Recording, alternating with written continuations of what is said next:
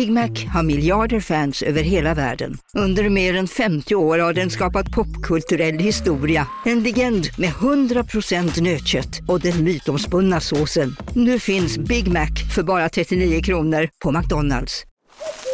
Okej hörni, gänget! Vad är vårt motto? Allt är inte som du tror. Nej, allt är inte alltid som du tror. Nu täcker vårt nät 99,3 procent av Sveriges befolkning baserat på röstteckning och folkbokföringsadress. Ta reda på mer på 3.se eller i din 3-butik. Ska några små tassar flytta in hos dig? Hos Trygg Hansa får din valp eller kattunge 25 procent rabatt på försäkringen första året. Läs mer och teckna djurförsäkringen på trygghansa.se. Trygg Hansa, trygghet för livet.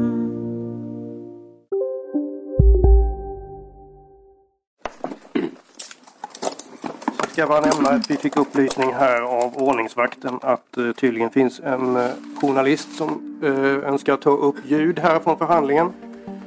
Om jag bara kan få veta vilket medium du företräder. I säkerhetssalen avgörs de stora brottmålen. Det är här de mest komplicerade och uppmärksammade rättegångarna äger rum. Penningtvättshärvor, sprängningar och beställningsmord. Det är inget konstigt att jag är här som journalist för Nådio. Men det vissa börjat reagera på är att jag är här rätt ofta nu.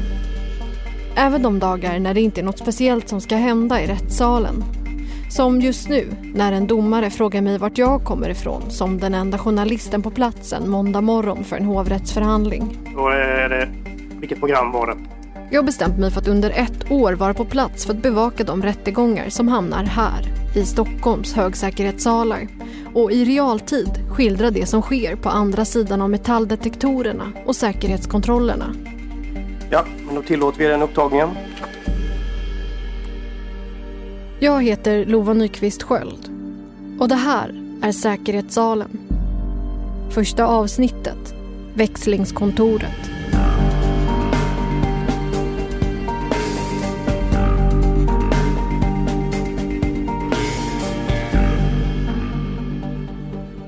De flesta medier bevakar början och slutet av en stor rättegång. Jag vill ta reda på vad som händer däremellan. Jag vet inte vilka jag kommer möta eller vad jag kommer få höra. Men genom att vara på plats flera dagar i veckan så har jag en unik chans att träffa människor och ta del av historier som andra inte hinner stanna upp för. Tvivlar en stjärnadvokat någonsin på sig själv? Vad betyder det att vittna i en mordrättegång? Hur känns det? Och vad händer egentligen på de rättegångar där åhörarplatserna ekar tomma? Vad kommer jag få se som den enda där? Jag hoppas kunna vara en fluga på väggen, vara din korrespondent i säkerhetssalarna. Jag vill studera detaljer på nära håll och få en inblick i det universum som utgör en hemlig del av det svenska rättsväsendet. Det som händer i salen, men också utanför. Sånt som bara går att få reda på genom att vara här jämt. Så därför är jag nu på Kungsholmen i Stockholm utanför Sveriges mest kända rättssal, Säkerhetssalen på Bergsgatan 50. Här har vår tids största rättegångar ägt rum. Förhör med den terroråtalade Rahmat Akilov över i tingsrätten. Vår reporter har följt förhandlingarna i säkerhetssalen. Säkerhetspådraget utanför Stockholms tingsrätt var enormt när rättegången mot det så kallade Södertäljenätverket inleddes på tisdag. Klockan nio inleds förhandlingen i Stockholms tingsrätt för mordet på utrikesminister Anna Lind.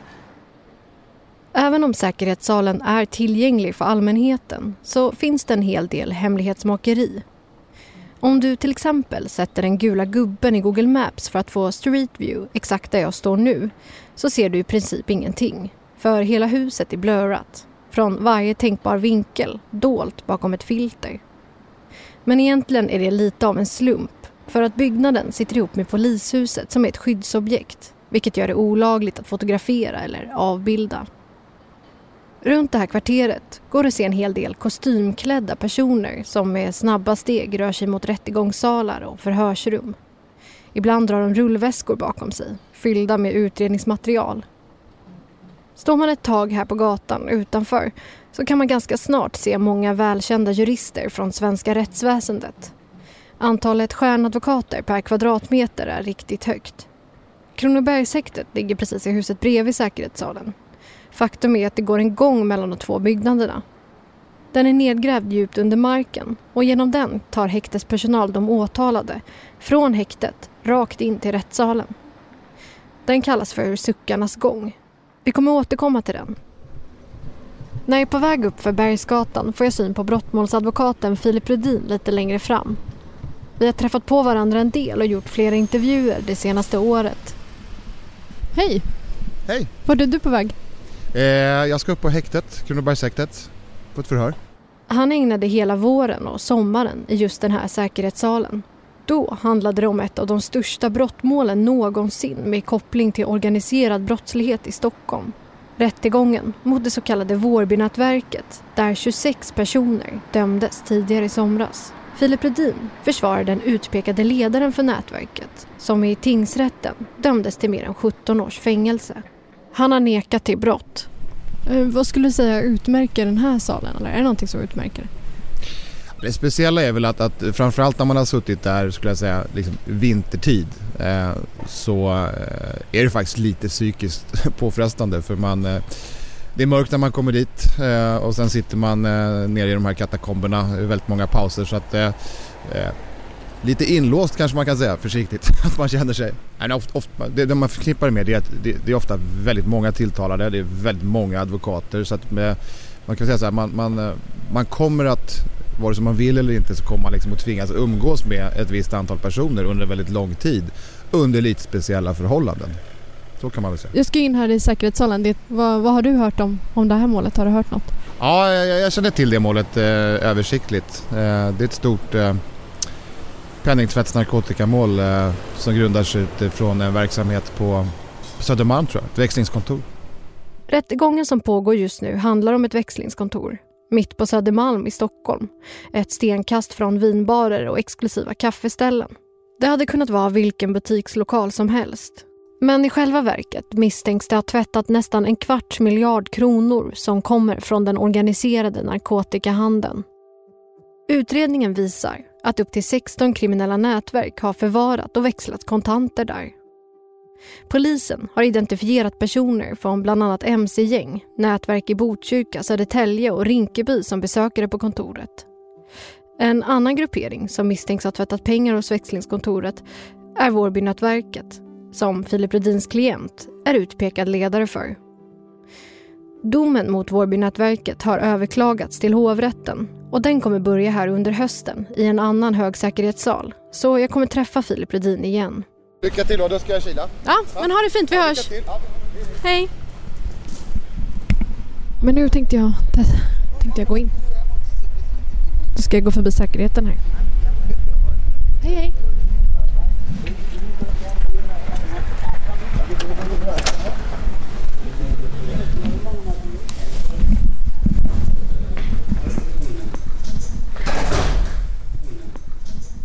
Innanför den välda porten i mörkträ står flera personer i kö för att bli insläppta genom säkerhetskontrollen.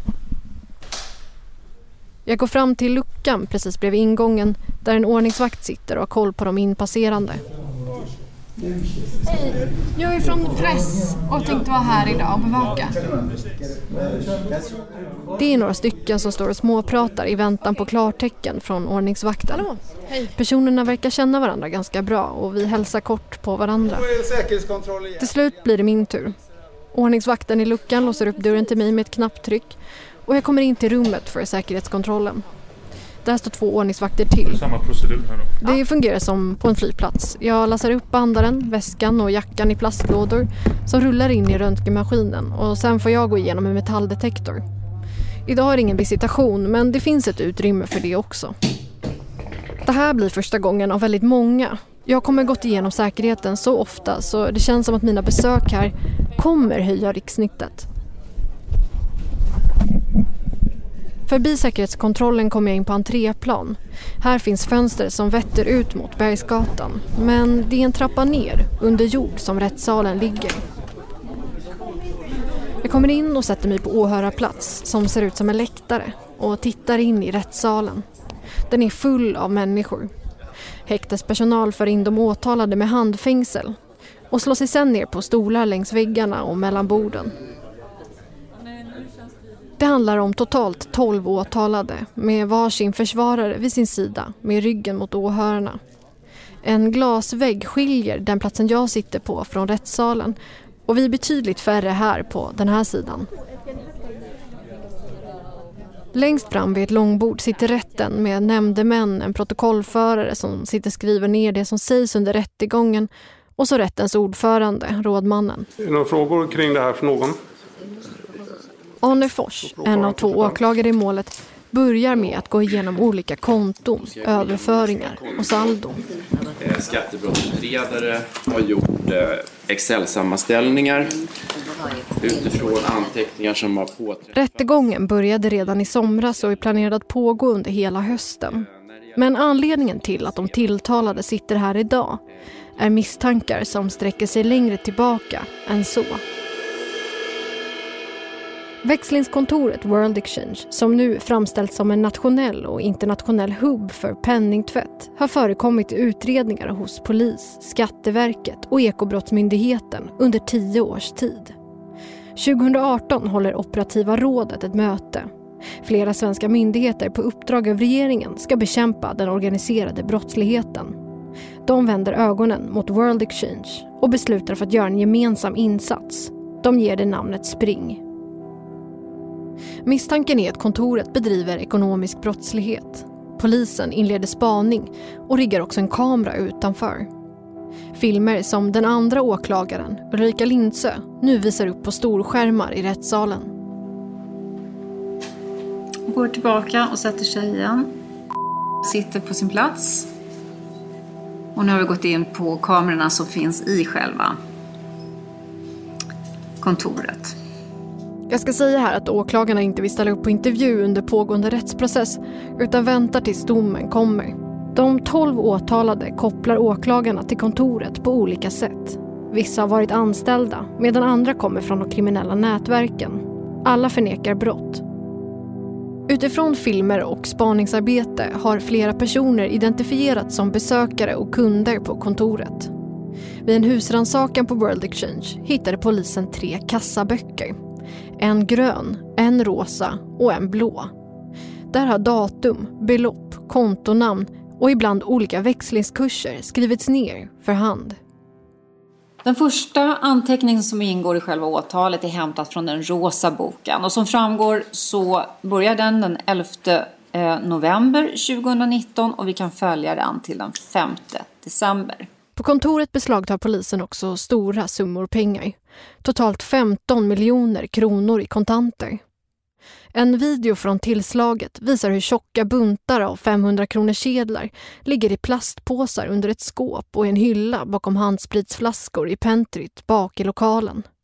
Men de gör ytterligare ett fynd. Ovanför innertaket visar det sig hänga flera tygpåsar med pengar längs väggen. På varje påse finns en märkning eh, Hermes. Anteckning Erbil. Spartakontot. Det är då en, en svart tygpåse innehållande en vit plastpåse med kontanter. Plastpåsen har en rosa och en vit papperslapp märkta Stuttgarts. Ulrika Lindsö pratar inte om städerna Sparta, Stuttgart eller lyxmärket Hermes, utan det här är namn på konton som har förvarat och växlat pengar på World Exchange. Ovanför innertaket hittar polisen en och en halv miljoner kronor tillhörande Hermes och 1,8 miljoner kronor i ett kassaskåp på kontoret som tillhör kontot Erbil.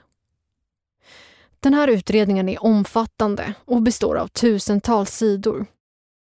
Åklagarnas sakframställan tar tid det uppmärksammar även domaren. Nej, men det, man kan ju konstatera att materialet och förundersökningen är oerhört omfattande.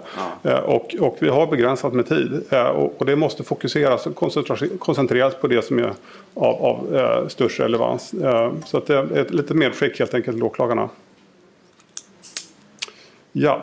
Eh, vid bordet längst fram i salen sitter en man i 50-årsåldern som är växlingskontorets ägare. Han är åtalad för grovt penningtvättsbrott och narkotikabrott och misstänkt för att ha styrt och organiserat hela verksamheten. Vid hans vänstra sida sitter en man i kostym som tittar ner i sin dator och på stolsryggen hänger en rock. Det är Thomas Olsson, Han är en mångårig och profilerad advokat som har varit försvarare i flera uppmärksammade fall. Bland annat Södertäljenätverket och Thomas Quick. Båda de rättegångarna var faktiskt just här i säkerhetssalen. Men nu är han alltså här för 52-åringens räkning. 52-åringen har haft kontakt med sina kunder på flera krypterade kommunikationstjänster. Bland annat Encrochat, där han har haft användarnamnet Muteherder. Muteherders olika konversationer visar enligt åklagaren på att det här handlat om en ljusskygg verksamhet. Kolla på din lista. Jag ska kasta papper därför jag ska spara bara total SEK och euro. Nu är det dags för advokaterna att ge sina klienters inställning till vad de misstänks för. Då är det dags då för sakframställan eh, från... Först ut blir Thomas Olsson. Ja, tack. Eh, jag kommer att bli relativt kortfattad och det av det enkla skälet att eh, vidgår i allt väsentligt att kontanthanteringen har gått till på det sätt som åklagaren har beskrivit utifrån de anteckningar som man har kunnat återfinna i kassaböckerna. Eh, och när det då gäller själva eh, Havala-transaktionerna så kan det ju finnas anledning att erinra eh, tingsrätten då om åklagarens eh, beskrivning av hur ett Havala-system fungerar. Det Thomas Olsson tar upp här är ytterligare en viktig pusselbit som blivit intressant för utredarna. Hawala.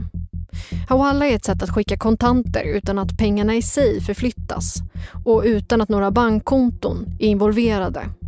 Så här går det till.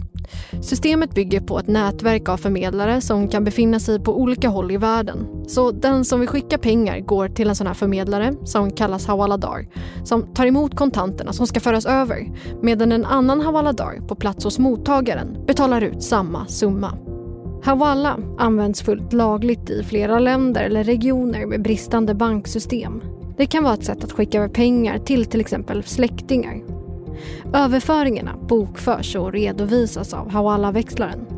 Enligt åklagaren har det här systemet alltså utnyttjats för att tvätta pengar som kommer från narkotikahandel i Sverige och överföringarna uppgår till 100 miljoner kronor. Åklagaren pekar på kontakter och överföringar till flera olika europeiska länder, främst Nederländerna och Spanien. Men enligt 52-åringen själv har han inte agerat Hawaladar. Dock har han förmedlat kontakt till en sån. Så, så det här är ett, ett, system som är ganska avancerat och, och som förutsätter då att man eh, deltar i ett sådant nätverk. Och där kan man väl konstatera att det finns ingenting i målet som talar för att eh, har ingått i ett sådant nätverk. Och han har därför inte enligt försvarets uppfattning haft möjlighet att rent praktiskt utföra någon Havala-transaktion. Då gör vi så att vi tar 20 minuters paus till 20 i.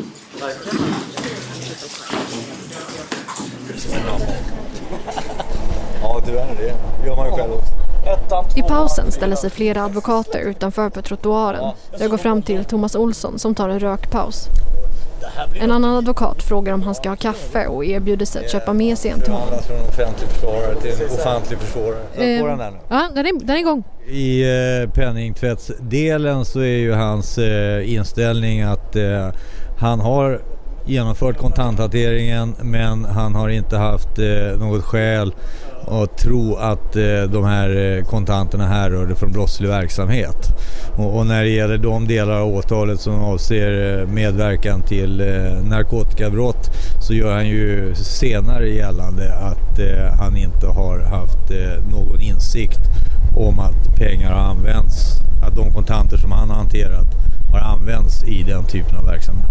Riktigt stora mängder kontanter. Det handlar ju om uppemot 220 miljoner kronor. Men eh, det är ju ingen eh, större mening att jag går in och, och berättar vad eh, min klient visste, vad han tänkte.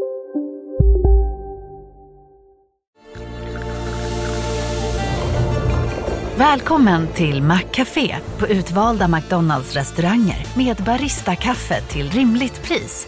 Vad sägs om en latte eller cappuccino för bara 35 kronor? Alltid gjorda av våra utbildade baristor. Hej Sverige! Apoteket finns här för dig och alla du tycker om. Nu hittar du extra bra pris på massor av produkter hos oss. Allt för att du ska må bra. Välkommen till oss på Apoteket. Hej, Susanne Axel här. När du gör som jag och listar dig på en av Krys vårdcentraler får du en fast läkarkontakt som kan din sjukdomshistoria.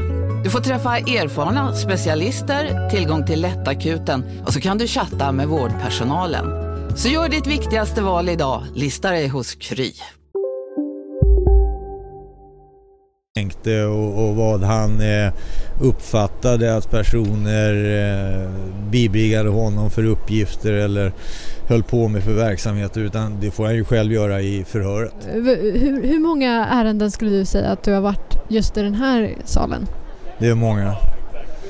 Ja, det kan jag inte svara på. Du, du får tänka på att eh, man, eh, man börjar komma i en ålder där gårdagen försvinner i töcken och barndomen blir allt tydligare.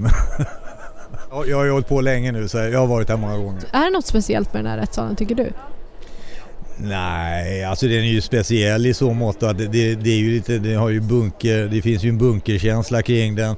Det är ju säkerhetsåtgärder när man ska in och ut och, och eh, det är ju en, eh, en sal där publiken är avskild med glas. Så jag menar, det, det är klart det är lite, tack ska du ha. Det är lite skillnad men eh, ja, rättegång som rättegång. Another day, another dollar som man säger.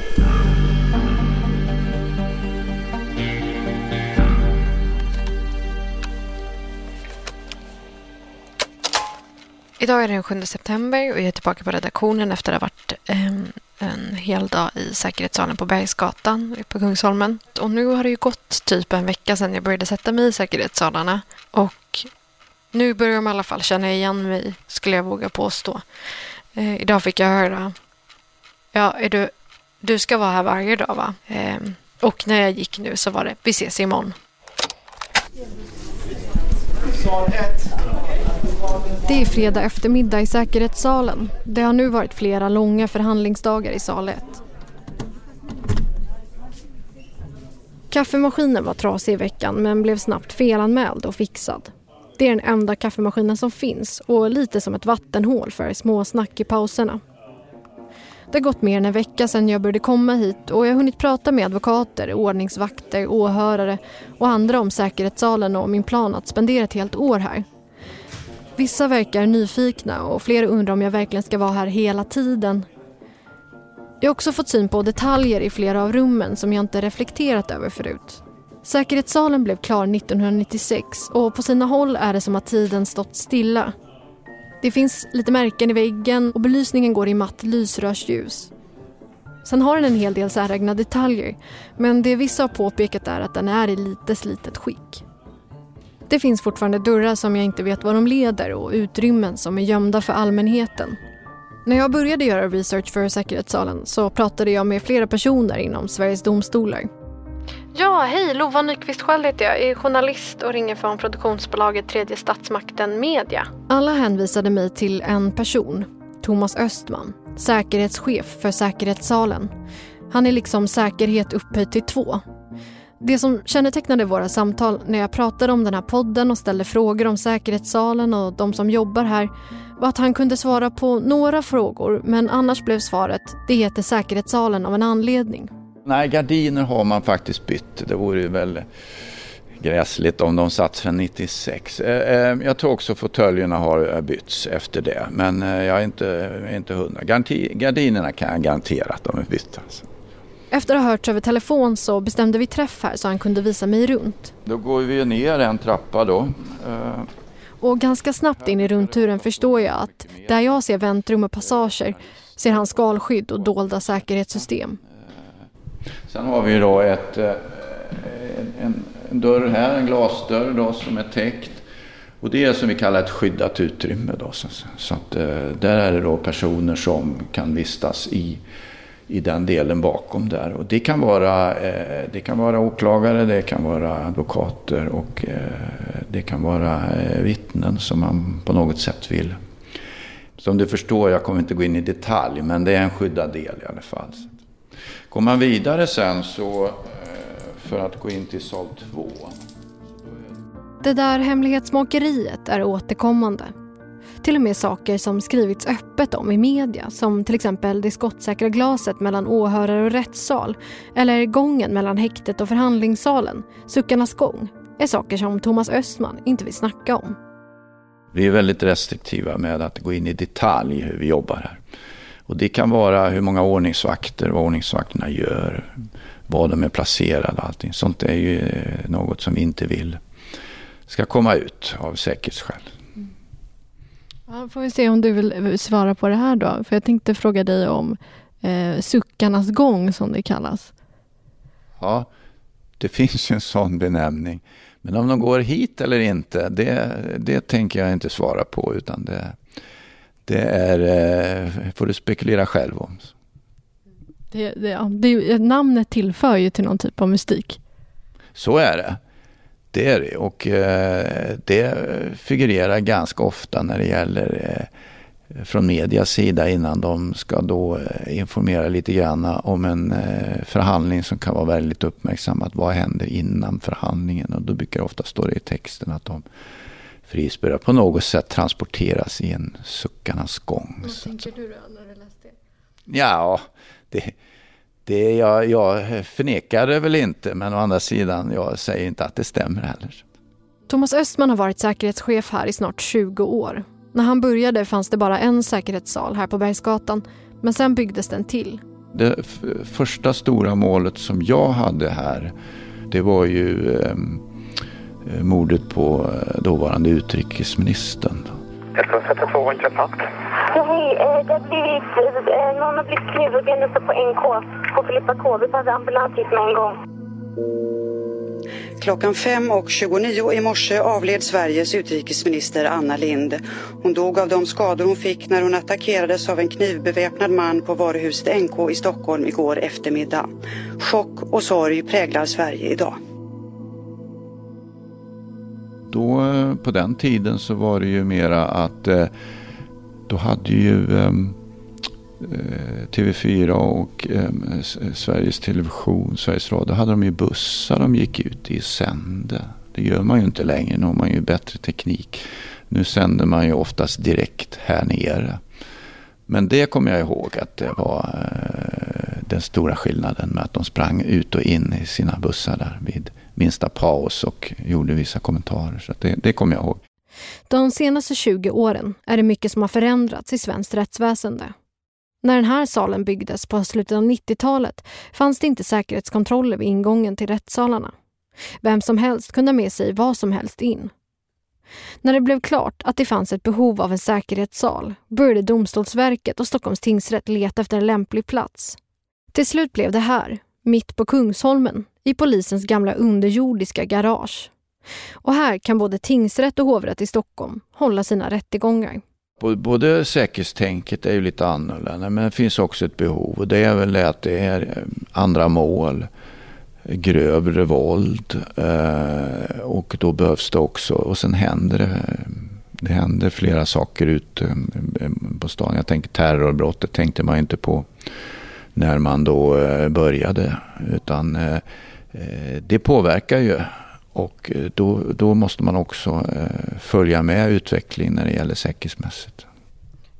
Jag har ju varit väldigt nyfiken och velat ställa flera frågor till dig. Vad det här är för plats egentligen och så. Eh, och då har du sagt att det heter säkerhetssalen av en anledning. Vad betyder det?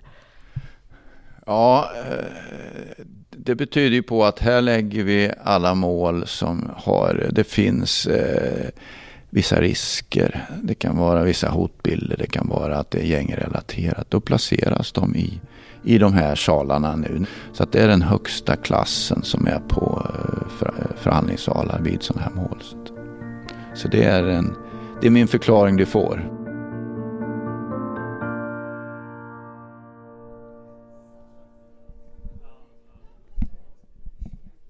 Vi ska snart återvända till rättegången mot växlingskontoret men först ska vi till den andra salen.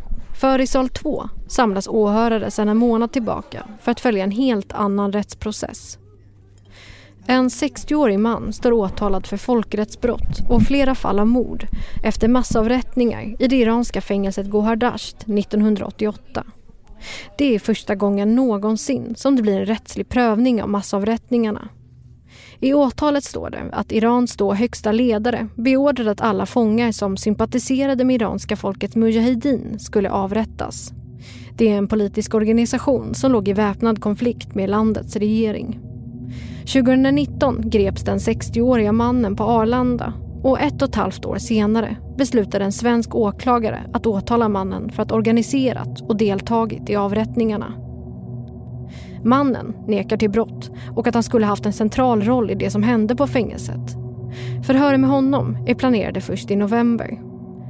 Men just nu följer ett 20-tal personer rättegången. En av dem är en man i lila tröja som jag träffade redan första dagen jag var här på Bergsgatan. Har du varit här tidigare dagar också? Ja, ja. ja. Åtta dagar. Åtta dagar. Idag är nionde. Ja. Gå, gå du. Vi ses där inne sen. Han heter Fate och var en av de som stod i kön när vi väntade på att bli insläppta genom säkerhetskontrollen. Han är pensionär sedan ett par år tillbaka och missar inte en enda dag av förhandlingen. Vid det här laget har Fate och jag setts flera gånger på Bergsgatan. Ibland i rättssalen och ibland i pauserna. Själva rättegången mot den åtalade mannen sker i en sal nere på Stockholms tingsrätt men visas på två skärmar här på Bergsgatan. Det finns plats för journalister uppe i själva tingsrätten och den här salen är egentligen avsedd för andra åhörare. Så jag får stänga av min bandare innan jag går in. Det är långa rättegångsdagar med tolk som översätter från persiska till svenska så det blir rätt mycket på en och samma gång. Vissa lutar sig tillbaka och sluter sina ögon en kort stund. Det viskas en del. En påse halstabletter skickas runt. Några bär munskydd. Fate plockar fram en blå skrivbok och börjar ta anteckningar. En av målsägandena är en man som berättar om ett tillfälle där han bar ögonbindel och fördes till det som på fängelset kallades för dödskorridoren. Den låg i anslutning till ett rum som fungerade som en domstol där den så kallade dödskommittén dömde fångar till döden. En äldre kvinna raden framför mig snett till höger drar plötsligt upp sitt munskydd över ögonen. Medan mannen som förhörs i rätten berättar om vad han kunde se under sin ögonbindel testar hon sin. Hon för huvudet sida till sida. Det går att se lite av hennes ögon, även om munskyddet täcker det mesta. När det blir paus går jag fram till Fateh. Fateh, som själv suttit fängslad i Iran, säger att när ett sinne försvinner så förstärks andra. andra känslor blir jättestarka. Och sen det blir man så mycket nyfiken. Vem är det? Vem är det på högersidan? Vänstersidan? Jag kände min bror. Han, han satt bredvid mig genom sultan och sen byxorna. Mm. Fateh säger att han kommer fortsätta gå på alla rättegångsdagar och vi bestämmer att vi ska ses och göra en intervju.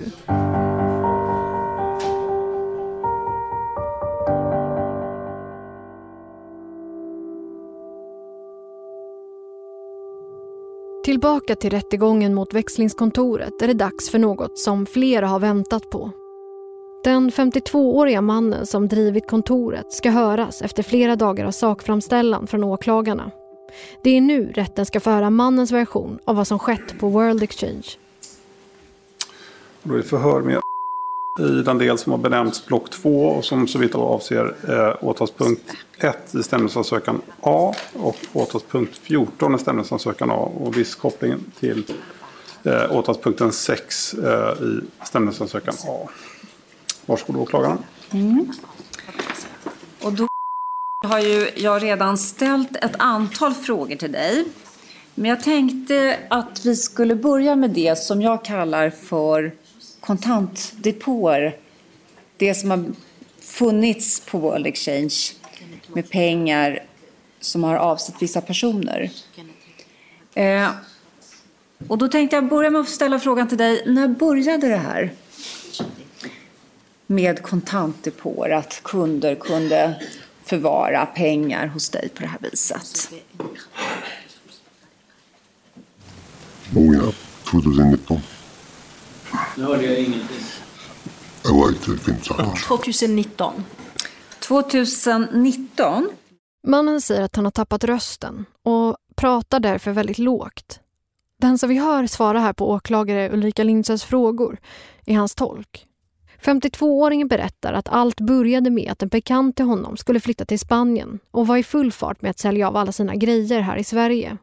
Han ville lagerhålla pengarna från försäljningen hos mannen på World Exchange. Och pengarna kom från hus, prylar och bilar. Och hur mycket pengar tog du emot av den här personen? Alltså han, eh, han lämnade inte in dem eh, på en och samma gång. Okej, okay, så det kom successivt in pengar? Varje gång han sålde någonting så kom han in med pengarna. Åklagare Ulrika Lindsö fortsätter ställa frågor om personen bakom kontona. Sparta, Hermes, Rambo och Erbil. Ibland kommer mannen ihåg de riktiga namnen på kontoägarna, ibland inte. Han säger att han inte har träffat alla. Han ger också förklaringar till varifrån de stora summorna pengar kommer ifrån. Alltså de höll på med Encro-telefonsförsäljning och Sky. Mm. Encro telefonförsäljning och Sky. Ja. Mannen berättar att flera av kunderna sålde krypterade telefoner som Encrochat och Sky ECC som polisen lyckades knäcka förra året och komma åt kommunikationen. Till andra konton kom pengarna från bilimporter, företag och lägenhetsförsäljningar. Han förnekar brott och säger att han trodde att pengarna som kom in till hans växlingskontor var tjänade på laglig väg. Jag tänkte vi ska gå över till förvaring och beslag. Och då är min fråga, när började ni använda utrymmet som låg ovanför innertaket som förvaringsplats? Det var ett ställe som jag fann lämplig. Tillät ni att kunderna själva fick ta fram sina påsar i den inre delen av lokalen? Nej, aldrig. Kunderna trodde att pengarna var inlåsta i ett kassaskåp, berättar mannen. Men platsen i lokalen började ta slut. Det var därför de valde att förvara dem på andra ställen, som ovanför taket på hyllkonsoler. Förhöret med 52-åringen närmar sig sitt slut. De kommande veckorna kommer förhör med andra på World Exchange att hållas. Men det finns personer som är misstänkta som inte sitter på plats i rättssalen. Flera personer som är misstänkta för grovt narkotikabrott och narkotikasmuggling. De är häktade i sin frånvaro, det vill säga misstänkta men inte gripna. En av säckarna med pengar tillhör kontot Nero. Enligt åklagaren står en person bakom kontot som agerat importör av narkotika med kontakter till Nederländerna. Om man tittar till exempel på den 2 mars, då hade Nero-kontot ett saldo på 8,4 miljoner nästan. Det här är ju enormt mycket pengar alltså. Vad är det här för pengar? I nästa avsnitt av Säkerhetssalen. Det är jätteviktigt för mig. Nekar eller erkänner. Men det blev som en tsunami. Polisen har ju producerat en hel del utredningar som kräver hög säkerhet. Så att... This trial I can see that the justice is being served and that justice is being delivered.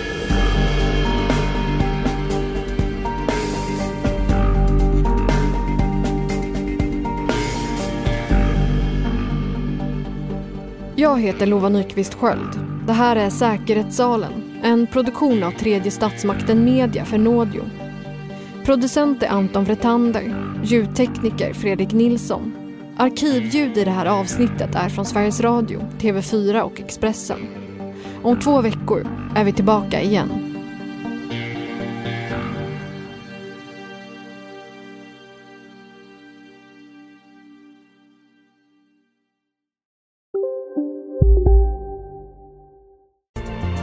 Kurrar i magen och du behöver få i dig något snabbt?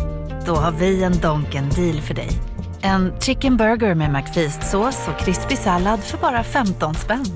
Varmt välkommen till McDonalds. Hej, Synoptik här.